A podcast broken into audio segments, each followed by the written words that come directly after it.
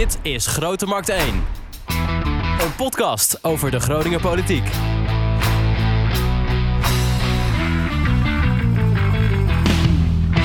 Leuk dat je luistert naar aflevering 7 van Grote Markt 1. Mijn naam is Wouter Rolsappel en tegenover mij zit Echo van Oosterhout. Dag Echo. Dag Wouter, goedemorgen. Te gast vandaag is Julian Bushoff, de fractievoorzitter van de PvdA in Groningen. Welkom Julian. Goedemorgen. Ja, nummer eh, 13 op de lijst van de Partij van de Arbeid. Klopt. En als ik het goed heb, staat de Partij van de Arbeid ongeveer op dit moment ook op dat aantal zetels. Dus dat is voor jou een eh, spannende plek. Ja, klopt. Ehm, nou, we kunnen er niet omheen. We moeten maar even direct mee beginnen. Eh, de Partij van de Arbeid heeft namelijk eh, naar aanleiding van de kindertoeslagaffaire toch een beetje een eh, soort offer gebracht.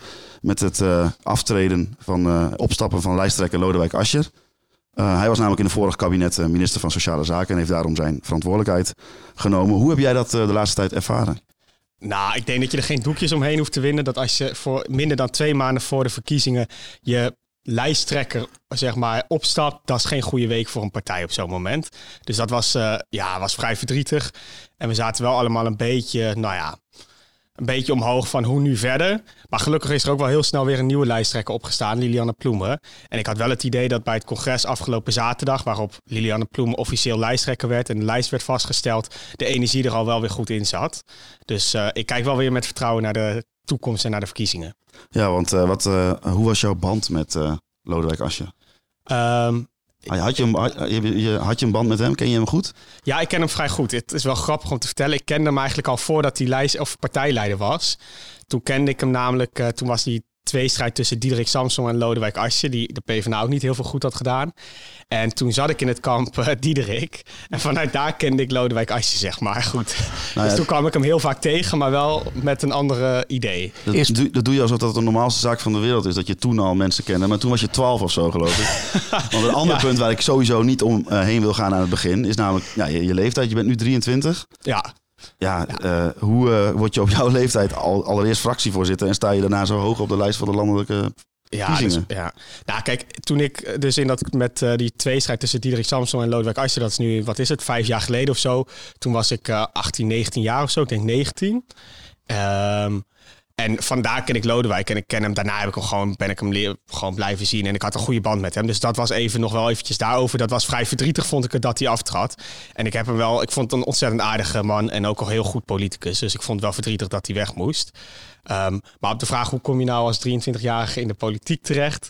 Eh, ja, het is niet iets wat ik vanaf eh, jongs af aan geambitieerd heb om de politiek in te gaan. Nou, dat zei onze eerste gast eh, Sandra Beckerman ook al. Ja, waarom, waarom dan toch die keuze gemaakt? En eh, waarom? Ja, nou kijk, als, ja, ik denk dat heel veel jongens dat hebben als jong zijn. Dan wil je liever profvoetballer worden. En er is geen seconde geweest dat ik dacht, nou, ik ga de politiek in. Sterker nog, dat vond ik toch mijn partij saai, leek me dat. Ehm, maar ik had wel altijd al vanaf jongs af aan zoiets van... als ik zag dat er eh, nou, in mijn ogen iets onrechtvaardigs gebeurde... of dat nou op school was, of ik dat nou tegenkwam gewoon in het dagelijks leven... of op het journaal daar iets van zag... ja, dan... Ja, ik werd niet boos, maar ik, iets triggerde mij wel, zeg maar. Het raakte mij wel. En toen had ik ook wel het gevoel van... Ja, als ik daar dan wat aan wil doen, is de politiek ook wel bij uitstek om er wat aan te gaan doen. Dat is de plek waar ik mijn mening kan verkondigen. Dat is de plek waar ik, nou ja, als ik dan ergens iets van vind, er ook iets aan kan doen. Kijk, als ik denk aan iemand van eh, jouw leeftijd... dan gaan we denken, ja, dat komt toch nog een paar, een paar keer terug. Dan denk ik van eh, politiek, eh, Den Haag in. Ik moet elke weekend naar de kroeg en leuke dingen met vrienden en carrière. Dat zie ik over twee, drie jaar wel. Maar jij bent al, dus al fractievoorzitter van de lokale fractie van de PvdA. Ja, En je gaat al, nou ja, je staat op een zeer grote kans dat je in, in de Tweede Kamer komt op jouw leeftijd. Hoe, kijk je, hoe kijken jouw vrienden daar bijvoorbeeld naar? Ehm, nou, een deel van mijn vrienden denkt inderdaad wel eens: God, waar ben je mee bezig? Vooral als ik dan weer eens gewoon, weet je, wie gaat er nou op zaterdag voor zijn plezier een hele dag eh, achter zijn computer kruipen om een partijcongres te volgen? Nou, dat, dat snap ik dat, ook niet. Nee, dat, precies dat. Dus dan denken, kijken mensen mij wel eens aan van, joh, je bent niet helemaal lekker. Of als ik dan, weet je, op woensdagavond, op maandagavond, op donderdagavond of op vrijdag nog een keer allerlei dingen voor de politiek doe. Ja, dan kijken ze wel van, goh, ga je nou niet een keer mee de kroeg in? Maar aan de andere kant, ja, weet je, ze vinden het ook wel weer mooi dat ik ergens gepassioneerd voor ben en daar vol voor ga. En zolang ik af en toe nog wel tijd voor ze vrijmaak, dan eh, zit het vaak nog Wat, zeg, wat zeggen ze dan bijvoorbeeld tegen je?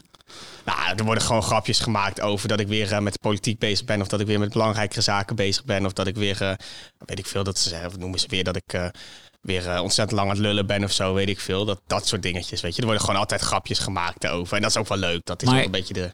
Is het ambitie? Nou, je moet wel enige gedrevenheid en doorzettingsvermogen hebben in de politiek. Maar wat denk ik goed is om, wat ik altijd wel vertel als mensen vragen van hoe kom je nou op zo'n plek terecht? Eh, drie jaar geleden had ik nog geen idee dat ik fractievoorzitter van de PvdA in Groningen zou worden.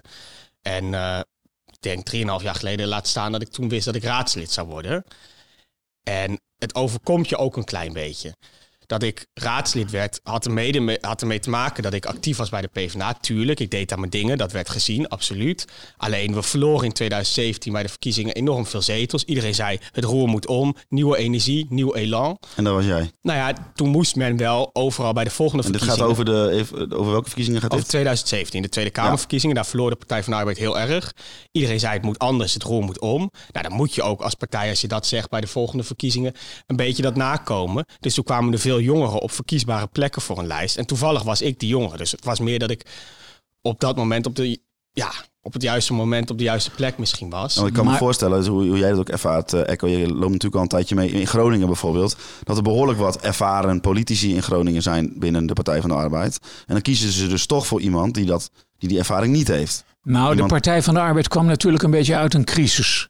Ook hier in de stad. Ook nog. Ja, want eh, laten we zeggen, eh, de, de Partij van de Arbeid was een, een, een hiërarchisch geleide organisatie, mag je wel zeggen.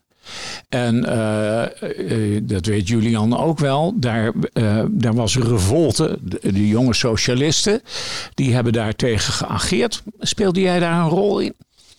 Ehm, nee, ik werd actief rondom die crisis ongeveer. En ik weet nog dat ik voor het eerst, eh, toen liep ik stage bij de PvdA. En eh, toen ging ik naar een soort congres in Friesland. En zat ik met PvdA Groningen mensen in een auto terug die ik niet kende. En toen ging het over die hele crisis. En toen maakten ze elkaar helemaal tot de grond gelijk. En toen dacht ik wel bij mezelf, waar ben ik in godsnaam beland? dat was mijn eerste ervaring bij de PvdA. Maar goed. Maar je zegt, je zegt dus eigenlijk van, eh, omdat de Par- Partij van de Arbeid een omslag heeft gemaakt met meer jonge mensen, ben ik eigenlijk op deze plek terechtgekomen. Wat zegt dat eigenlijk dan over, jou, eh, over jouw kwaliteiten als politicus? Want als ze het niet hadden gedaan, dan stond je nu waarschijnlijk gewoon op de, niet op de landelijke lijst en was je in Groningen gewoon één van de geweest. Ja, klopt. Wellicht wel, inderdaad. Ik, kijk, dat is eh, altijd een beetje lastig speculeren. Maar ik denk dat ehm, ik op plek drie kwam door, nou, door de omstandigheden. Op plek drie van de gemeenteraadslijst, best een hoge plek. Toen draaiden we in Groningen een goede verkiezingsuitslag. Leefden er twee wethouders. Karin Bloemhof, de toenmalige fractievoorzitter, en, de en eh, Roeland van der Schaaf. Nou, als wij geen twee wethouders hadden mogen leveren, was het heel aannemelijk geweest dat Karin eh, fractievoorzitter was gebleven en ik geen fractievoorzitter was geworden. Ja. En wie weet hoe het dan was gelopen. Dus er is gewoon een beetje geluk bij nodig dat je toevallig, nou ja, zo'n positie krijgt. En mensen moeten het je ook gunnen. Hier in de, in de stad hè, had je dus kamp eh, Bloemhof en kamp van de Schaaf, toch? Ja, maar dat was bij afgelopen verkiezingen niet het geval. Dat was al één keer daarvoor eh, dat er Ja, was. en, en in welk kamp stond jij dan? In dat van de Schaafkamp of in het Bloemhofkamp? Ja, ik heb niet overal in elk kamp gezeten. Ik was toen nog niet eh, actief heel erg bij de PvdA Groningen. Dus het gaat dus in niet, ieder geval, wel, niet het is wel vrij snel gegaan allemaal, om maar zo te zeggen. Precies, het ging vrij snel. En kijk, nog één ding daarover. Naast dat het je gegund moet worden, dat je een beetje geluk moet hebben. Hoop ik ook, en dat denk ik dan ook, dat mensen ook zien dat je het goed doet als je er eenmaal zit. Ja, nou is mijn volgende de, de vraag eigenlijk van ehm, waarom zou je niet gewoon nog dit wat je nu doet in Groningen afmaken tot aan de volgende verkiezingen bijvoorbeeld van de gemeenteraad. En dan ga je met een, eh, als je dan naar Den Haag wil, ga je met een gevulde rugzak naar Den Haag. Nu weet, heb je toch eigenlijk ja, niet heel, heel veel jaren in de politiek gezeten. Of maakt dat volgens jou niet uit? Nou, ja, ik vind, heel eerlijk gezegd, heb ik heel lang getwijfeld of ik wel ehm, op die landelijke lijst wou gaan staan. Hè. Dat kwam eigenlijk in de zomer, werd ik gebeld met de vraag van, goh, zou je Kamerlid willen worden? Wie, wie belt dan? nou, dat kan ik hier wel even nu zeggen, want nu is de lijst vastgesteld, dus nu krijg ik er geen gezeur meer over. Nu moeten ze me wel accepteren. Dus. Maar ik werd toen gebeld door Marja Wagenaar, de voorzitter van de kandidaatstellingscommissie. Mhm. En Weet tot- je, maar weet je ook bij wie het vandaan kwam dat ze jou gebeld hebben? Nee, ik, nou ja, hoe dat ongetwijfeld gaat, ik weet dat niet precies. Maar het zou ongetwijfeld een keer te sprake zijn geweest bij een partijtop. Want anders zullen ze niet zomaar bellen, denk ik. Maar ik weet niet precies hoe dat gaat. Alleen, Heeft Henk Nijboer daar wat mee te maken? nou, ik denk dat... Je bedoelt ik, eh, Henk Nijboer die nu al eh, Kamerlid is. Ja. nou, ik weet niet of hij er zeg maar... En voor Tjeerd van Dekken? ehm, ik weet niet of ze er direct iets mee te maken hebben. Maar ik denk, ik hoop dat als ze hebben gevraagd van... Goh, wat vinden jullie van, eh, van die jongen daar? Dat ze dan positief hebben geantwoord. En als dat zo is, dan heeft dat er vast aan bijgedragen dat ze me gevraagd hebben toen. Alleen tot die tijd dacht ik ook voor mezelf: ik ga niet bij de komende Tweede Kamerverkiezingen me kandideren. Ik blijf hier gewoon lekker mijn ding doen. Ik heb het ontzettend naar mijn zin. En waar, je noemde het al even, vroeger bij de PvdA nog wel eens trammeland was, hebben we nu echt een ontzettend leuke club mensen in Groningen. En gaat het ook gewoon goed met de PvdA in Groningen. Weet je, we hebben een leuke sfeer. eh, we halen goede resultaten binnen. Dus ja, ik had ook geen reden om hier weg te willen. Ehm, maar ja, toen kwam dat telefoontje en toen ben ik er toch over gaan nadenken. En heb ik tot op het laatste moment getwijfeld, maar uiteindelijk wel gedacht van, nou, nu, weet je, soms komen kansen ook voorbij en moet je ze in de politiek ook met beide handen aangrijpen. En ik vind ook wel dat dit het moment is, als ik kijk waar we nu staan, hè, gewoon met een coronacrisis, een klimaatcrisis, een wooncrisis, noem maar op. Enorm veel uitdagingen, waar met name ook jongeren mee te maken hebben. Nou, dan vind ik ook wel dat de stem van jongeren in de Tweede Kamer gehoord mag worden. Ja, want eh, dan word je gebeld. Vraag je dan ook waarom ik? Ja, tuurlijk, ik twijfel. Ik bedoel, ik denk ook van ja, dat was ook een vraag die ik had van waarom ik, maar ook van goh, hoe serieus ben, zijn jullie? Wat betekent het dat je me belt? Weet je, zulke soort vragen stel ik ook wel. En ik ga daarover nadenken. En weet je, het is niet alleen maar, tuurlijk, ik ga erover nadenken van één, wil ik het? Twee, eh, ben ik er wel klaar voor? Kan ik inderdaad wel wat betekenen voor bijvoorbeeld die jongere generatie? Als ik in Den Haag ga zitten en ik kan vervolgens geen deuk in een pakje boter slaan, heeft het ook geen zin dat ik er zit. Ik vind wel van die 150 mensen die in Den Haag in de Tweede Kamer zitten, moeten 150 gemotiveerde mensen er zitten die ook daadwerkelijk een resultaat kunnen behalen. Want het is nogal een belangrijke plek. Dus dan moet je er ook gewoon vol voor kunnen gaan en ook iets kunnen bereiken. Dus die vraag heb ik mezelf ook wel gesteld. En met een heel klein clubje mensen heb ik het daar ook wel over gehad. En wat, wat, komt, het, wat komt er dan vanuit de kant van de partijtop of de selectiecommissie van we willen jou hierom hebben? Nou, ze zeggen vooral van, goh, we willen heel... Dat was een beetje het, het punt. Hè. Ze zeiden van, goh, we willen graag eh, echt jongeren op de lijst. Dat vinden we belangrijk. We willen als PvdA... Ik denk dat dat dan... Dat is mijn inschatting hoor, dat weet ik niet. Maar dat ze dat enigszins ingegeven is... omdat de PvdA het niet zo goed doet bij de jongeren kiezen. Dus ze willen een jonge imago met meer jongeren op de lijst. Anderzijds was ook echt de inhoudelijke motivatie. De uitdagingen waar we voor staan vragen ook echt om een antwoord van de jongere generatie. Dus dat komt dan naar voren. En waarom ze dan per se mij willen, ja, dat zeggen ze niet. Ik moest mezelf wel echt in verschillende rondes presenteren en ook ehm, ja, solliciteren en zorgen dat ik het zo goed mogelijk deed om die plek 13 te Nou, bemachtigen. nou heb je meegedaan aan, eh, aan het schrijven van het verkiezingsprogramma. Dat is ook best wel eervol. Dan wil ik weten, wat zijn die kernwaarden van de Partij van de Arbeid? Nou, voor mij is dat echt. Eh, vrijheid is natuurlijk ontzettend belangrijk. We komen in Nederland, internationaal komen op voor vrijheid, maar juist ook voor gelijkheid, solidariteit, ehm, bestaanszekerheid. En ik denk dat het zich het beste laat vatten eh, door te zeggen dat wij als Partij van de Arbeid in de geschiedenis, maar ook nu, altijd opkomen voor nou, één voor mensen die het minder hebben, maar er eigenlijk voor staan dat iedereen gewoon een fatsoenlijk leven kan leiden. Asscher heeft ook zelf aangekondigd, we moeten weer terug. Precies. En ik denk ook, en daar ben ik ook trots op, dat we als Partij van de Arbeid een verkiezingsprogramma waar ik zelf aan mee heb mogen werken hebben geschreven. Waarin we volgens mij een heel heldere, ja, weer klassiek sociaal-democratische koers varen. Echt, het laat zich het beste vatten, denk ik, door te zeggen dat ehm, ja, zaken die eigenlijk te belangrijk zijn om aan de markt over te laten, daar moet de overheid weer meer regie op pakken. Of dat nou gaat om betaalbaar wonen, liefdevolle zorg, een steuntje in de rug als je het nodig hebt. Die zaken die voor heel veel mensen nou ja, onzeker zijn geworden, niet meer vanzelfsprekend zijn. Daar moet de overheid echt weer voor gaan staan. En dat is volgens mij de rode draad van het verkiezingsprogramma. En met recht dat het daarom ook geclassificeerd wordt als misschien wel het meest linkse programma in tijden. Even een, eh, een, een stapje terug. Echo, vooraf eh, aan deze podcast heb jij ongeveer wel iets, één ding ongeveer tien keer tegen mij gezegd.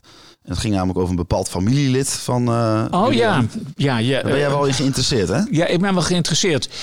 Laten we zeggen, je, bent, je hebt een opa. Oh ja. En die opa die is burgemeester. Nog steeds? Nee, was. Ja, weet ik niet. Nee, dat- ik ken hem niet. Nee, ik, ook, ook niet. niet. Ik ook- Nee. Ah, bijna niet. Nee, nee, dat is, dat is al heel lang Ja, ik weet geleden. het niet, nee, eh, heel lang vertel geleden. even. Ver- hoe, Leg even uit. hoe gaat dat? Hoe, in- laten we zeggen, als je kiest voor de sociaaldemocratie, kom je uit zo'n typisch sociaal-democratisch gezin? Maar even, eh, eh, kun je eerst even... Ja, en vertel even de rol van jouw opa in dat. eh, Ja, nee, dat is wel grappig. Het is, mijn opa die was burgemeester eh, van Rode en later van Winterswijk. Echt 50 jaar geleden was hij eh, burgemeester van Rode. Rode is een dorpje in eh, Drenthe, vlakbij Groningen, voor de mensen die dat niet weten. Ik ben daar in de buurt, heb ik ook een aantal jaren gewoond. Ehm, maar ik heb mijn opa nooit gekend. Hij was echt al, nou weet ik veel, hoeveel tientallen jaren dood voordat ik geboren werd. Dus het ging er aan de keukentafel eigenlijk nooit echt over. Ehm, dus het is totaal niet zo dat ik in een rood nest ben opgegroeid. Maar omdat ik nu in de politiek zit op jonge leeftijd voor de Partij van de Arbeid, hij jong burgemeester voor de PvdA was, ja, is die link ook op een gegeven moment gelegd. eh. Zou je zelf liever eh, bijvoorbeeld premier worden of ook burgemeester? Goeie vraag. Eh, nee, ik denk dat ik, dat ik voor premier ga. Ja? Waarom? Ja. Nou, ik denk dat dat nog meer de plek is waar je het meest kan veranderen, misschien wel. Oké. En het zou betekenen dat we als Partij van de Arbeid weer gewoon in de gloriedagen terug zijn. Namelijk de grootste partij eh, zijn. en dat zou ik ook wel lekker Ja, vinden. precies. Is het niet zo dat eh, jij, je- toen ik dat net aanhoorde over het eh, programma waar jij aan hebt meegeschreven, dat je zegt van nou, het meeste links programma ooit. En het eerste wat ik dacht was eigenlijk van ja, oké, je hebt een programma, maar met alleen een programma win je geen verkiezingen. Je wint ook de verkiezingen met retoriek en met hoe je je presenteert. En dan vraag ik me af, nou, je staat eigenlijk voor PvdA begrippen sta je er niet bijster goed voor. Ik van nou, kom maar op, wat, wat, wat gaan we verwachten de komende weken? Nee, goede vraag. Ik denk dat je over het verkiezingsprogramma, ik bedoel, dat was in, naar aanleiding van de vraag van, goh, moeten we weer een beetje terug naar waar de PvdA echt voor staat? Want ik denk dat Echo gelijk heeft als hij zegt dat mensen het idee hadden dat de PvdA te ver afgedwaald was van de nou, koers waar de PvdA voor zou moeten staan. En ik denk dat het met het verkiezingsprogramma in ieder geval gelukt is om in ieder geval papier te krijgen dat de- we weer de koers voor de PvdA hebben gevonden. En nu moet dat ook nog in de praktijk blijken natuurlijk. En moeten mensen dat ook weer dat vertrouwen aan ons geven. En dat doen we volgens mij. En dat kunnen we. Nou, ik kan alleen maar ontzettend hard mijn best doen de komende weken om dat verhaal te vertellen. En mensen ook te vertellen wat ik hier in Groningen al heb gedaan. En wat de plannen zijn die ik in Den Haag heb. En dan hoop ik dat mensen me daar nou ja, hun stem mee vertrouwen. Dat is dus ontzettend moeilijk, want hoe, jullie gingen dus met de roos dus de winkelstraten in en dat kan u niet. Nee, nee, dat vind ik oprecht wel heel jammer. Want ik vond het eigenlijk altijd wel leuk om gewoon eh, de stad door te lopen, de markt over of een winkelcentrum in met eh, bossen rozen. En dan aan het eind van de dag zag je ongeveer door de hele stad mensen met een roos lopen. En dan had je ook ontzettend veel mensen gesproken. En Maar hoe gaan jullie dat nu doen? Nou, je moet op zoek naar andere manieren om mensen alsnog te spreken. Hè. Dus je kan wel mensen bellen. Je kan tegenwoordig digitaal via Zoom een soort huiskamergesprek voeren. Ik heb heel veel, zoals we dat dan noemen, huiskamergesprekken gevoerd toen ik het verkiezingsprogramma schreef. Dan ja, kunnen mensen gewoon vanuit huis eh, via achter een laptop gewoon meepraten over ideeën. Nou, dat kan. Ehm, flyers in de bus doen, noem maar op. Ehm, dus ja, dat wordt anders. Maar er zijn gelukkig nog wel manieren om eh, campagne te voeren en met mensen in gesprek te gaan. Waar ga je voor? Hoeveel zetels wil je? En, maar eh, reëel gezien. Ja, ja re- ehm, ik denk dat zeker dat ik denk dat het echt moet lukken dat wij ge- gewoon 15 zetels zeker halen. 15 zetels. Ja.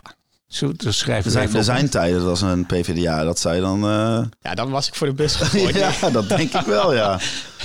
ja. Als jij nou eh, moet kiezen hè, om, ehm, als, als, als po- politicus, en of je nou Kamerlid bent of, eh, of eh, gemeenteraadslid, eh, je eigen normen en waarden of die van de partij. Waar zou je dan, ah ja, als dat een dilemma zou zijn, waar zou je dan voor gaan? Mijn eigen normen en waarden. En ik hoop echt dat ik daar wel altijd trouw aan kan blijven. En ook als je bijvoorbeeld in een, een, een wespennest zit wat Den Haag, de, de Haagse politiek heet. Ja, ik vind dat gewoon, ik vind het een goede vraag. Ik vind dat ook wel spannend in zekere zin. Want ik zeg wel heel makkelijk mijn eigen normen en waarden. En dat wil ik echt, die wil ik trouw blijven. Maar jij zegt gelijk dat het soms in de, of je hebt gelijk dat het in Den Haag soms een wespennest is. Ja. Maar ook dat er soms wel heel veel druk op iemand komt te staan. Als je in een kabinet zit, nou, dan moet je toch maar eens nagaan als je anders vindt dan de coalitie en al je ministers. Ja, ik, ik heb meteen Ja. Pieter Omzicht in mijn hoofd, die vanuit de coalitie eh, eigenlijk een, een luis in de pels is. Ja, dan heb je het niet makkelijk. Dus ik hoop dat. Zou je dat kunnen? Ook op die manier? Ergens je zo hard voor maken dat eigenlijk misschien je eigen partijgenoten denken van, nou, Ik hoop het. Ja, ik denk dat ik in Groningen af en toe heb laten zien dat, het, dat ik gewoon wel sta voor waarvoor ik sta. Hè, ik bedoel, recentelijk hadden we hier een discussie over het in dienst nemen van schoonmakers bij Ja. de gemeente. Nou, de coalitie en het college wouden anders en ik- dan dat ik zelf graag wou. En het is toch gelukt. Dus ja, dat gaat niet over rozen en het wordt je ook niet in dank afgenomen. En er gaan heel veel uren fit overleg in zitten. Maar daar lukte het wel. En ik hoop dat het dan in Den Haag ook lukt. Wat is er nou in zo'n dossier dat je eigenlijk een beetje ja, iets, iets hebt wat misschien niet helemaal eh, binnen het eh, gebruikelijke past? Waarin, wat, wat leer je dan over jezelf? Waarvan je denkt van, oh ja, ik ben, ik ben dit soort, ik ben dit soort, hoe moet ik nou? Ik ben zo'n persoon. Nou, wat ik in zo'n dossier wel heb geleerd, maar ook in een aantal dossiers nu in de gemeenteraad, is dat je gewoon echt vanaf het, echt het eerste moment moet je er eigenlijk bovenop zitten. En je moet ook gewoon, ja, je moet doorzetten. Want als een college, een ambtelijk apparaat, als men in de gemeente denkt of in Den Haag denkt, nou, we gaan linksaf en jij wil rechtsaf of andersom. Meestal willen zij rechtsaf en dan wil ik linksaf. Ja, dan, ja, dan moet je er wel flink aan trekken om iets voor elkaar te krijgen. En ben je dan in zo'n situatie, eh, dan komt, er- komt er weer eentje, een allemansvriend of ben je meer een enfant terrible? Ehm, ik, eh, dat, ja, in de politiek ben ik dan toch hoe het net op dat moment een beetje uitkomt. Dus op sommige momenten, hè, dan vind ik het doel, het in dienst nemen van die schoonmakers, heb ik dan helder voor ogen. En als het dan nodig is om even vrienden te zijn met nou, Pietje, dan ben ik dat eventjes. Ja, maar als het nodig is, ja, dan sta ik ook met mijn vuist op tafel. Ja.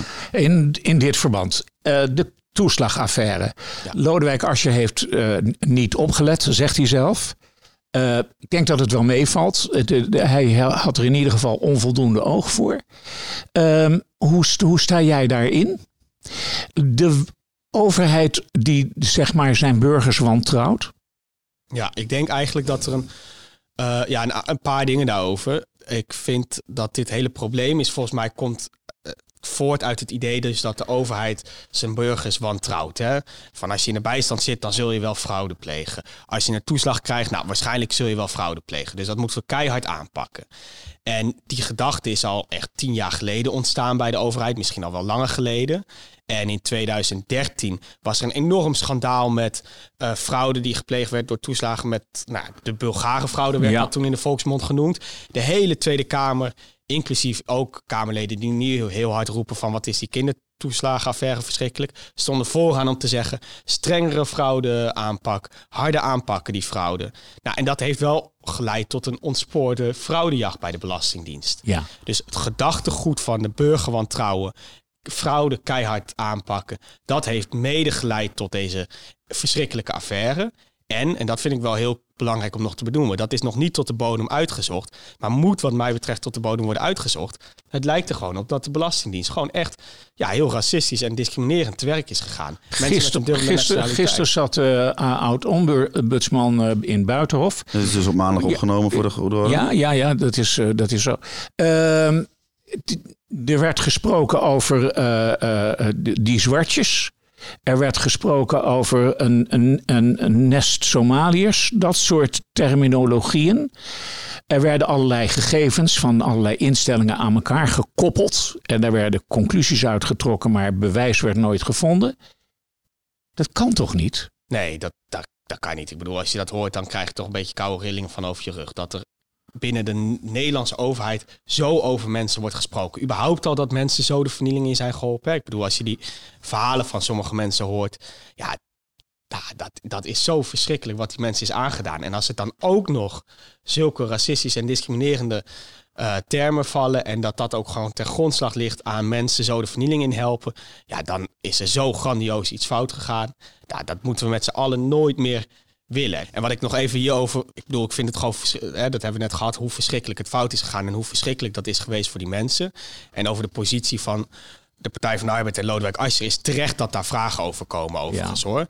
En ik vind ook dat het um, ja, niet goed is dat je dat we de signalen, of dat Lodewijk Asscher en de PvdA de signalen die er toch waren van het gaat niet goed, dat die niet opgepakt zijn en dat daarmee dit leed niet is voorkomen. Alleen wat ik gek vind in, poli in de politieke wereld, en dat zie je wel vaker in de politiek, als er dan een politicus is of een politica die zijn of haar excuses daarvoor aanbiedt en zegt: Ik heb dat niet goed gedaan en ik uh, wil het aanpakken en beter doen, dan krijgt diegene ook alle schuld in de schoenen geworpen. En blijven bijvoorbeeld andere verantwoordelijken stil. En die denken, god, dat is makkelijk. Die neemt de schuld op zich.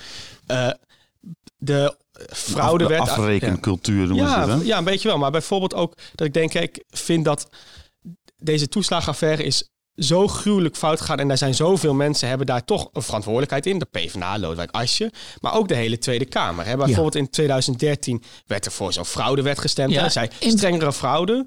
Heeft toen de hele Kamer, behalve de PvdA en SP, voorgestemd. Heeft nooit een andere politicus echt zijn excuses voor aangeboden. Terwijl ik denk van, jongens, we hebben met z'n allen is het zo fout gegaan. Iedereen dient gewoon zijn excuses daarvoor aan te bieden. En dient het beter te willen doen. En dan vind ik het niet netjes als je dan de schuld helemaal voor je eigen politieke belang even bij één iemand neerlegt. Je, zegt, ja, je zegt ook, uh, waar ik eigenlijk op aanhaak van, hè, als ik ergens in ga uh, duiken, dan ga ik ook meteen volle bak. Is dat ja. echt typisch? Is dat iets wat echt jou uh, typeert? Dat je gewoon niet meer, niet meer stopt? Ja, ik denk een beetje wel. Ik denk dat ik in de gemeenteraad in Groningen wel een beetje bekend sta ook als felle debater. En dat is soms goed en soms denk ik ook wel eens bij mezelf, nou, het mag ook wel even een toontje lager. Maar dat komt dan wel omdat ik ja, daar dan echt ook zo, ja, daar zo over denk of daar zo voor voel uh, over een onderwerp. En dan word ik ook soms fel of, nou ja. Ja, want ja. als je dan denkt van het mag wel eens een toontje laag, kom je jezelf dan tegen? Of? Ja, dan denk ik wel eens, ja, god, ja, weet je, misschien is het ook wel beter als ik. Uh, weet je, dat, dat zeggen mensen dan wel eens van, goh, moet het nou zo fel of moet het dan zo uh, geëmotioneerd of moet je dan. Weet je, en, en ja, voor de mensen die kijken, je gebruikt ook heel veel je handen bij. Ja, dat klopt. Ja, nu ook alweer, denk ik. Ik kan ze het beste vastbinden, volgens mij. maar is dat, is dat, ja, want ik zie dat de hele tijd. Als je, als je op een gegeven moment je, je, jouw uh, antwoord opbouwt, en in het begin heb je je handen rustig. Maar om, uh, hoe verder jij in je antwoord komt, hoe, hoe meer de beweging ook in je, in, je, in je lijf komt. Is dat echt is dat een soort interne iets wat dan opkomt of zo? Dat je dan. Nou, het is denk ik één iets wat uh, naarmate ik wat ouder word, hoop ik steeds wat meer zeg maar de rust vind en wat beter uh, daarmee om weet te gaan. Maar ik denk, en dat zit gewoon ja, in de aard van het beestje, er zit toch wel een beetje dat vurige. Um, ja, en, daar ga, en dat, dat zie, zie je in hoe ik ja, met mijn handen praat. Dat zie je in de debatten. Maar ook wel hoe ik soms, ja, als ik echt iets vind, dat ook gewoon zeggen. En ook niet heel erg, tot nog toe gelukkig nog niet heel erg bang ben om gewoon mijn mening te verkondigen. Ook als die niet helemaal past binnen, nou ja, een coalitiegedachte of een PvdA-gedachte of noem maar op. Als we dan uh, kijken naar dat uh, PvdA-partijprogramma. Als je er nou één uit mag pakken, één onderwerp. Wat is dan het onderwerp waar jij het, uh, het meest warm van wordt en waar je het meest op aangaat, zeg maar? Nou, ik denk dat eigenlijk we dat net al een beetje bij de kop uh, pakten. Zoals Echo ook zei, is, toen het ging over dat vertrouwen terugbrengen bij de overheid, is dat niet misschien de belangrijkste opdracht straks in de Tweede Kamer? En ik denk dat inderdaad dat misschien wel de belangrijkste opdracht is die, ja, die wij als PvdA hebben en die ik zelf ook wel voor mezelf zie in de Tweede Kamer. En dan gaat het dus over één, meer ja, dat wantrouwen wat er nu is bij de overheid veranderen in een overheid die weer inwoners vertrouwt en de helpende hand toesteekt als het nodig is. En een overheid die um, weer regie pakt bij zaken die te belangrijk zijn om aan de markt over te laten. En dan kan dat zijn op het gebied van betaalbare woningen. Dan kan het zijn op het gebied van liefdevolle zorg. Dan kan het zijn als het gaat om um, bijvoorbeeld de energievoorzieningen. Op al die terreinen en al die onderwerpen is gewoon een kentering nodig van een overheid die wat meer regie pakt. En in het denken van de overheid richting inwoners toe is meer vertrouwen nodig. De partij die, uh, die dat allemaal bedacht heeft, laten we het heel globaal, is namelijk de VVD, is dan degene die de afgelopen jaren het meest aan de macht is geweest. De vier, vier kabinetten Rutte of drie? Vier, wat is het nou? Drie. Drie. Nou ja, misschien dat het de vierde komt, want die staan keihard als eerste in de peilingen momenteel. Ja. En nou ja, want vorige, vorige aflevering hadden we Sandra Beckerman, die is van de SP, ook links. Nou, tien zetels in de peilingen. Ja. PvdA 12, GroenLinks 13, jij, jij, 14. Jij, jij schat de Partij van de Arbeid in op 12. Gisteren heb ik ze nog steeds op 10 zien staan. Ja, nou ja, goed. Dus gisteren was het heel treurig gesteld. Ik zag de peiling ook. 9 voor GroenLinks, 10 voor de SP, 11 voor de Partij van de Arbeid en 35 voor de VVD of zo. Dus ja. de VVD was groter dan wij drie bij elkaar. Willen, maar willen dus, wat willen de mensen, vraag ik me dan af. Want die willen dus misschien wel iets anders. Nou, of niet? Ja, ik ja, mag het zeggen. Ja, het. Ik denk dat heel veel mensen, um, ook in mijn omgeving, praat ik wel eens over. En die zeggen, nou, ik vind, ik ben geen VVD'er, maar ik stem wel Rutte. En dat is omdat Rutte ja, hij is de premier. Dan krijg je toch vaak zo'n premiersbonus, zoals ze dat dan in de politiek noemen. Hè. Mensen willen graag toch de leider, willen ze toch wel graag achterstaan, zeker in tijden van crisis. Ehm, maar het is ook gewoon, Rutte doet het natuurlijk, hè, ik ben het inhoudelijk niet met hem eens en ik vind er heel veel op aan te merken. Maar als premier doet hij het best goed natuurlijk. Hè. Hij is benaderbaar, mensen vinden het er gewoon een prima, prettig persoon om naar te kijken en naar te luisteren op tv. Hij komt Dus- makkelijk uit zijn woorden. Ja, dus mensen die stemmen denk ik gewoon voor Rutte. En maar, laten we zeggen, Ru- Rutte die zegt dit en doet dat. Ja, De- En daar komt hij mee weg. ja want als En daar ja, komt de Partij van de Arbeid niet mee weg. klopt. Hoe is dat? Is, als, je, als je bijvoorbeeld niet zo charmant als Rutte, moeten we dat is dat de. Ja, misschien eh, kon hij daar nog wat van leren. Nee, ik denk dat je gelijk hebt dat ehm, bij de PvdA stellen zowel het leden, maar ook de kiezers van de Partij van de Arbeid verwachten meer van ons. En terecht. Hè? Ik bedoel, we zijn een partij die opkomt voor mensen die het eh, minder hebben. Dus dat mensen deze toeslagenaffaire ook Lodewijk Asscher aanrekenen, snap ik wel. Ik bedoel, ik vond het wat ik net al uitgebreid heb verteld, niet terecht dat hij alle schuld in de schoenen kreeg. Maar we hebben er zeker een ook debet aan deze eh, hele, dit hele verschrikkelijke toeslagenaffaire. En dan wordt ons dat zwaarder aangerekend, juist omdat mensen ons zien als de partij die juist opkomt voor mensen die het minder hebben en mensen moet beschermen. Nou, in Groningen bijvoorbeeld heb je veel mensen die slachtoffer zijn van het bevingsgeweld, om het maar zo te zeggen. Ja, En die worden dus ook, eh, laten we zeggen, op toeslagachtige wijze benaderd door de, door de overheid. ja. ja ik vind dat dat is. Ja, ik, eh, afgelopen toen het nog kon in december zijn was eh, met een aantal raadsleden zijn we elke donderdagavond naar het aardbevingsgebied gegaan. En dat doe ik wel eens vaker overigens. En dan gewoon in gesprek gaan met de mensen. En ja, hoewel de verhalen inmiddels bekend zijn, zijn ze wel weer elke keer toch vrij. Ja, word je er ook wel weer verdrietig van. En ook boos word ik er wel van. Want inderdaad, mensen moeten voor elke euro moeten ze ja, knokken als het ware. Ze hebben het gevoel dat er geen overheid is die hun, terwijl ze juist in de shit zitten, de helpende hand toesteekt. En dat is volgens mij wat er anders moet. Wij, wij, bekijken het een beetje vanuit de Groningse bril natuurlijk, dit hele ge- gebeuren. Maar als ik dan zo meteen ga optellen, tel ik een eh, Sandra Bekkerman, Jimmy Dijk, eh, Julian Bushoff, Henk Nijboer, Anne Kuik, eh Stineke van der Graaf. Allemaal mensen met een Groningse achtergrond. Er zijn er nog meer, hè, die we ook, wij ook gaan spreken.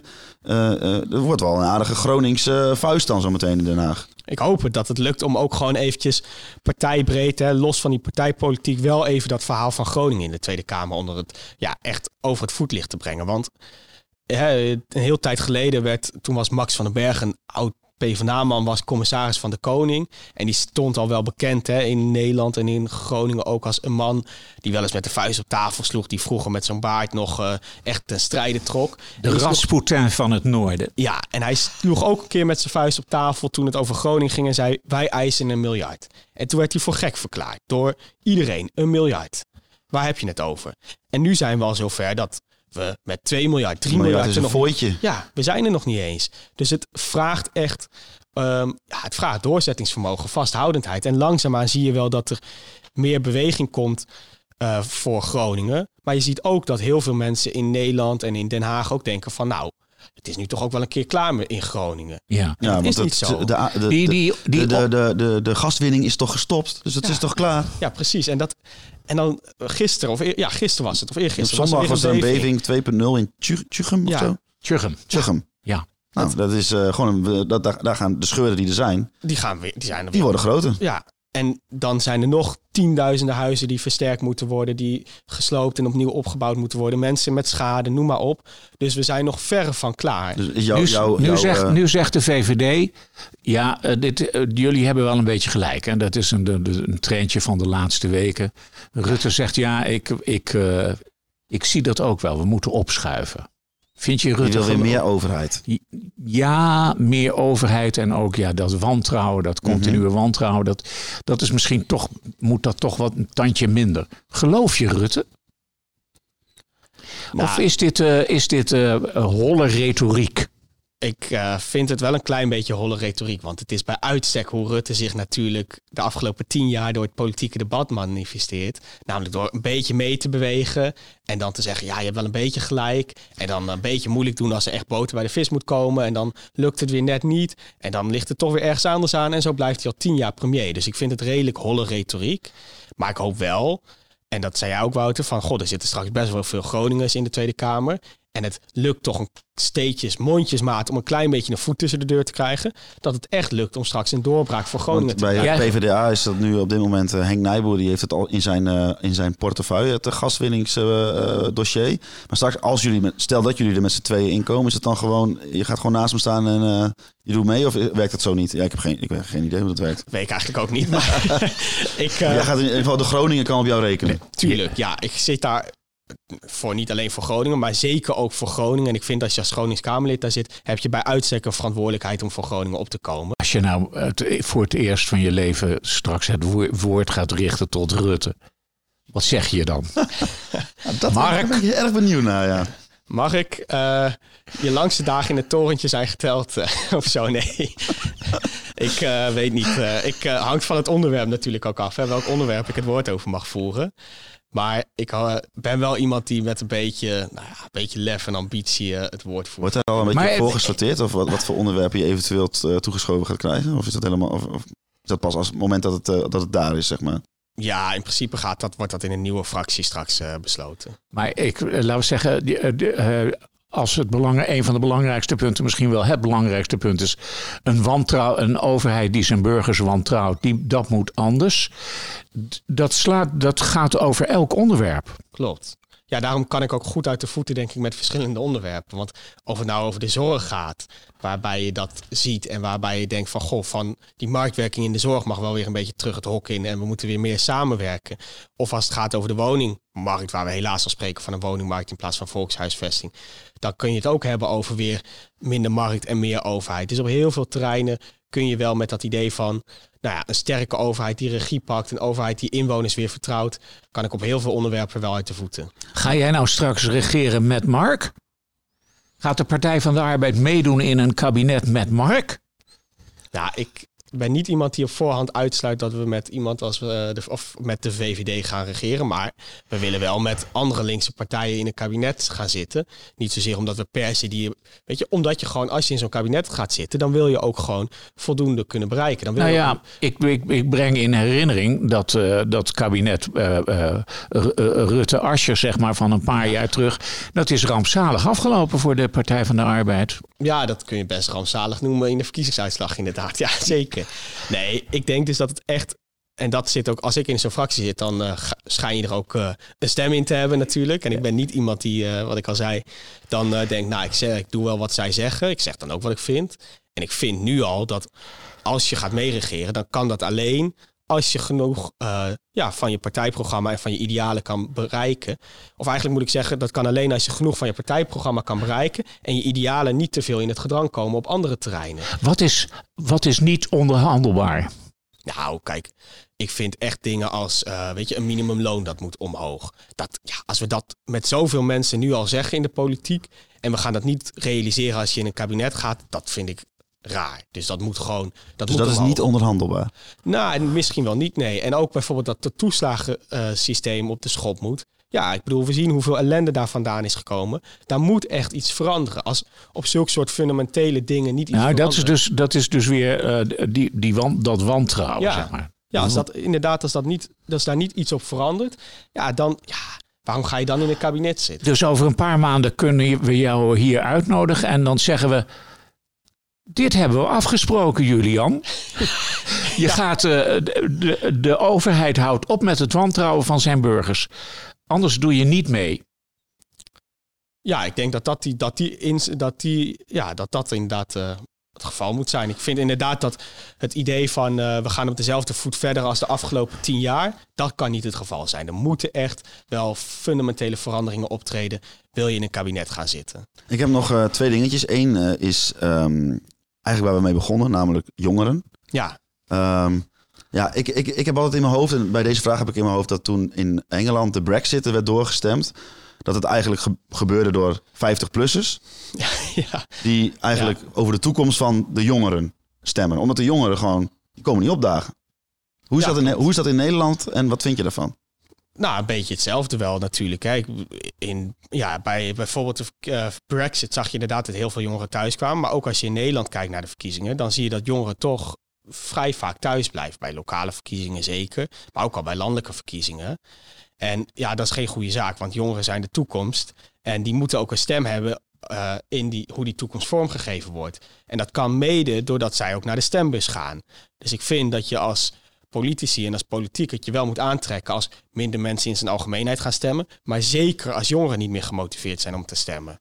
Heb je daar ideeën bij hoe je dat zou kunnen veranderen, aan, uh, aanpassen, stimuleren? Jawel, kijk, ik bedoel, uh, heel veel mensen in mijn omgeving, jongeren, zijn ook niet geïnteresseerd in politiek. Maar als ik het dan heb over dat ze geen betaalbare kamer kunnen vinden, of dat ze straks uh, geen uh, werk kunnen vinden, of geen huis kunnen kopen, of een enorme studieschuld hebben, nou, daar kun je best met jongeren over praten. Dus concrete zaken in het leven van jongeren, daar moet je met hun het gesprek over gaan. En daar moet ook de politiek over gaan. Ik vind, hè, ik ben best idealistisch ingesteld. Maar ik zit ook in de politiek om gewoon het over concrete zaken te hebben. Ja. Over concrete zaken in het dagelijks leven van mensen. Bijvoorbeeld. Maar dan moet je, dan, dan, dan, daar moet je, ga je er al van uit dat je met ze in gesprek komt. En ik denk dat daar ook al een, uh, een groot probleem ligt. Want ik weet nog van mezelf, ik heb altijd wel gestemd. Maar op, tussen mijn 18e en mijn 25e hoef je over de politicus echt niet bij mij aan te komen met een flyer of een roos of weet ik veel wat. Daar had ik helemaal geen zin in. Ga weg. Nee, ja, dat snap ik ook wel weer. Um, zeker als je gewoon uh, thuis zit of zo voor de bank uh, voetbal kijken of met uh, snel vrienden of zo. En dan komt er iemand deurtje bellen en zegt: Goh, zullen we het eens even over de politiek hebben? Dan denk je ook: wat, wat maak je me nou? Maar ik kom best wel goed in gesprek met jongeren als ik bijvoorbeeld uh, naar scholen ga. Dat gaat dan nu helaas in de coronacrisis niet meer. Maar daarvoor ging ik heel vaak naar scholen toe. Nou, dan kwam ik in gesprek met jongeren. En er waren heel veel jongeren die zoiets hadden. Jezus, een gastles over politiek. Goddomme, wat wordt mij nu aangedaan? Die keken me echt met z'n allen aan zo van... anderhalf uur ga jij mij een leven tot een hel maken, weet je wel? Ja, ja nou ja. En, dat had ik ook toen ik jong was. Alleen uiteindelijk, als ik dan uh, gewoon, weet je, als ik dan begin over van, goh, weet je, naar welk festival ben je van de zomer geweest? En ik kan zeggen, joh, ik ben net zo jong en ja, ik vind dat ook leuk, festival. En we hebben het gewoon over zaken die zij, waar zij het gewoon in een pauze ook over hebben, weet je wel. Ja, dan komt dat gesprek wel op gang.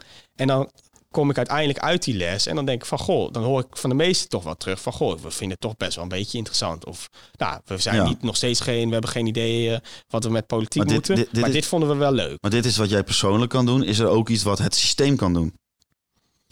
Uh, nou ja, ik vind dat je als volksvertegenwoordiger, dus hè, je bent politicus, maar je bent in de eerste plaats volksvertegenwoordiger. En dat betekent dus dat ik vind dat alle volksvertegenwoordigers gewoon veel nou ja, naar klassen moeten gaan, uh, die jongeren opzoeken, maar überhaupt gewoon de buurt en wijken intrekken om met mensen in gesprek te gaan. Ik vind dat nog steeds de belangrijkste bron mm-hmm. om um, ja, informatie te vragen en op te halen wat er speelt en wat er leeft en om mensen te betrekken bij de politiek. Ja, de, jong, de, jongere doelgroep is natuurlijk het makkelijkst te bereiken via uh, deze jongen, die, uh, de ja, smartphone. Tuurlijk. Ja. Is daar niet nog een, een wereld te winnen in de, politi in, de, in de politiek? Ja, ja. Nee, maar je hoeft voor mij echt niet elke influencer eh, te gebruiken voor je politieke partij. Maar ik bedoel, nee. ik, ik, ik, zie gewoon een gat of zo. De, de, de, wat, wat gewoon gevuld kan worden. Ja, misschien, uh, ik zit er nog niet op, maar mijn campagneteam wou ook graag dat ik op TikTok. Uh, geen, ik heb geen idee, maar dan zie je mij. Zit jij op TikTok? Ik zit zeker niet op TikTok. Nee, oké. Okay, maar je zit wel we... op Instagram, hè, tegenwoordig. Ik zit wel op Instagram. Maar gaan we dan nog een uiteindelijk, uh, zeg maar 17 maart, hè, om ook de journalistiek dichter bij de jongeren te brengen hè? Ja. en de politiek, met z'n allen op TikTok of zo. Dat, uh, dat Echo nou ja, zet dat maar in je partijprogramma. doen en zo. Ja, ja, ik vind eigenlijk, ik twitter en ik zit op Instagram en ik doe ook aan Facebook, hoewel ik dat een vreselijk vervelende pagina vind. Maar goed. Um, en, maar even, ik kom toch weer een beetje terug op de politiek. Heeft dat natuurlijk ook een beetje aan zichzelf te danken. Door uh, dat de ivoren toren gedrag daar in Den Haag. Ja. En, de, en door, door, laten we zeggen, ja, ik denk dus dat je heel veel mensen van je vervreemdt als je niet vasthoudt aan je principes. Want dat is waarom je doet ja, nou, nou niet ja, jaren. Wij hebben, wij hebben een, een, interview gehad een hele tijd geleden. Heb ik aan jou gevraagd: uh, wie, wie, wie, kies je voor? Of voor Den Uil of voor Wim Kok? En dat is een wereld van verschil, toch? Ja. En jij zegt: ik kies voor Den Uil. Dan ben je, dat zei je toen althans, dan ben je dus een, laten we zeggen, een ouderwetse sociaaldemocraat. Of ga ik nou te ver? Ja, 23-jarige snotneus die een ja. ouderwetse sociaaldemocraat is. nee, ik denk inderdaad... Uh, dat je gelijk hebt dat, het, dat de mensen moeten zich herkennen in de politiek. Hè? Dus het is belangrijk dat je trouw blijft aan je idealen. Want als je je daarvan vervreemdt, dan vervreem je ook van de kiezer. Ja. Daarnaast moet je ook van die vierkante kilometer eh, van Den Haag, waar het zich afspeelt, moet je vooral ook zorgen dat je eh, in de wijk en in de buurten bent. En op andere plekken in Nederland ook nog eh, bent. Ik denk dat dat voor jezelf gezond is. Maar ook belangrijk om eh, nou ja, mensen niet te verliezen. En ehm, ja, het, politiek had natuurlijk ook wel lang het imago van oude, sorry, grijze witte mannen in een krijtstrepen pak. Die wel even gingen beslissen hoe het ging. Dan ga je een pak aantrekken als je daarna gaat. Uh, ongetwijfeld zal ik wel eens een pak dragen, ja, maar niet altijd. Alleen, ja, dat imago, ik bedoel, dat helpt ook niet als je gewoon voor eh Nee. 20-jarigen staat. Maar ja, ik, ik eh, laat mijn eigen gedachten er maar even over vrij gaan. Is het niet ook soms voor mensen die niet in die bubbel zitten, die niet in die wereld zitten, heel lastig te begrijpen? Kijk, ik denk als je in de politiek zit, dat het volkomen logisch is dat Wopke Hoekstra bij het begin van de campagne zijn, zijn concurrent bij de enkels afzaagt.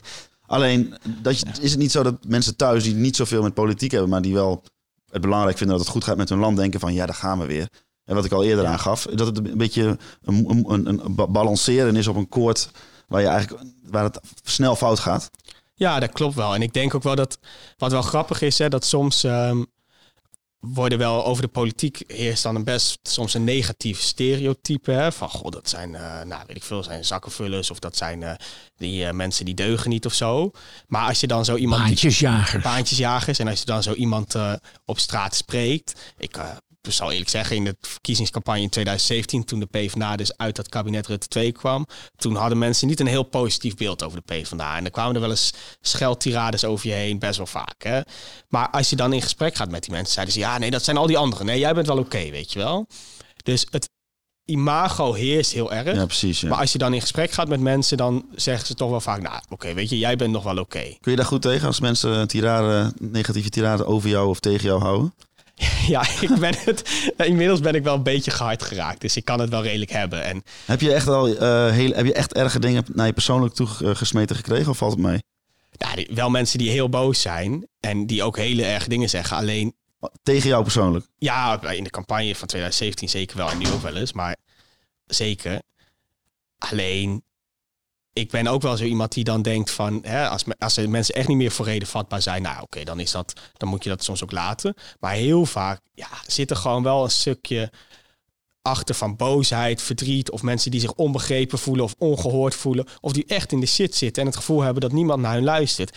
En dan ook ontploffen als het gewoon even iemand voor hun staat... waarvan ze denken, ja, die, die, zit, die is onderdeel van dat systeem. En ja, soms vind ik wel dat mensen dan ook nog wel een punt hebben. En ik bedoel, ik zeg dan niet dat het goed is als ze een hele scheldtirade houden. Maar ik snap het soms wel een beetje. Ja, precies. Ik bedoel, als je hier in het aardbevingsgebied komt, hè, die mensen vind ik nog vaak heel redelijk. Maar als je dan al zes jaar lang in ellende zit, ja, kun je het ze dan kwalijk nemen dat je een keer ontploft? Ik zou waarschijnlijk al drie keer zijn ontploft. Ja. Nou, Echo, Ja, we zijn er wel aardig hè? we zijn er. Ik, ehm, eh, jij gaat eh, campagne voeren de komende weken. Laten we, eh, eh, ik wens je daar veel sterkte bij en veel originaliteit. En eigenlijk hoop ik gewoon dat je een principiële, de principiële jongen bent die, die, je, die je zelf nu hier neerzet, zeg maar. En dat ik over een, een jaar jou inderdaad kan vragen van... hé, hey, waarom steun je dit, eh, dit kabinet Rutte? Leg, kom dat maar eens even uitleggen. Ja, nou, het lijkt me leuk om die afspraak gewoon te maken dat je me over een jaar dan nog een keer dat vraagt. En desnoods doe het ook al eerder als je denkt. dit, Ja, eh, dit nee, natuurlijk. Maar eh, laten we zeggen, ehm, jullie hebben natuurlijk, het is ontzettend moeilijk om buiten de VVD om te regeren. Jullie willen een links blok vormen samen met de SP en, eh, en GroenLinks. Ja. Een hell of a job. Ja, het- ja, zeker. Ja. Ik heb eh, nog, wat is het, eh 50 dagen of zo, eh, samen met mij, heel veel anderen natuurlijk, om gewoon keihard campagne te voeren. En hopelijk gewoon ervoor te zorgen dat de PvdA en ik hoop ook gewoon eh, links Nederland toch wat beter uit de verkiezingen komt. En zorg alsjeblieft goed voor de Groningers. Ja. Met je Ja. Groningse, Nou, met je Groningse kamer eh, medegenoten. Ja, dat, ik, dat is, zou wel ontzettend leuk zijn als we gewoon acht Groningers in die de, Den Haag hebben. Kun je niet gewoon even een soort eh, eh, eh, fractie in een fractietje vormen met die andere? Ja, precies. Nou, ik neem Je begint eh. al een forse partij te worden als je Ja. de, eh, eh, al die acht eh, Groningse misschien- kamers... misschien worden het wel meer. Misschien tien, weet Ja. ik veel. Nou, bijna net zo groot als eh, GroenLinks of Partij Ja, van de Arbeid ja, of ja, SP, ja. inderdaad. Julian, eh, bedankt dat je hierheen heen wilde komen voor deze, deze podcast. Ehm, dit was eh, aflevering 7 alweer. De volgende aflevering, Echo, hebben we iemand die eh, heel hoog op een lijst staat. Ja, Maar daarmee niet minder verkiesbaar, want eh, die is namelijk van de VVD. S- eh, Sabine Koelbrugge. Ja, die staat op plek 43, 44. ongeveer. Nee joh, volgens mij eh, v- eh, 50 of daaromtrent. Nou ja, goed. Dat is, En, eh, eh, maar kijk, eh, met die zet- enorme zetelaantallen... en als ze dan ook nog eens een keer gaan meedoen aan een kabinet... dan gaan we worden allemaal staatssecretarissen en ministers enzovoort. Dan wordt die fractie leeggezogen. En dan wordt Sabine toch... Hè, Sabine is een voormalige Ja, eh, ja. eh, fractievoorzitter in, eh, in, eh, van de VVD in de gemeenteraad van Groningen. Eh, ja, dat is... eh, dus het- uitgesloten is het echt niet hoor. Nou, mooi. Deze podcast eh, kun je dus luisteren op Spotify en Apple Podcasts. En ook op onze website oogtv.nl slash podcasts. Er staan ook wat camera's op ons gericht. Dus heb je liever dat je Julian ook aan kan kijken terwijl hij aan het praten is. dan, kun je, dan kun je dit op YouTube van Oog zien, maar ook op tv. Namelijk op zondag wordt, wordt- zenden we dit uit.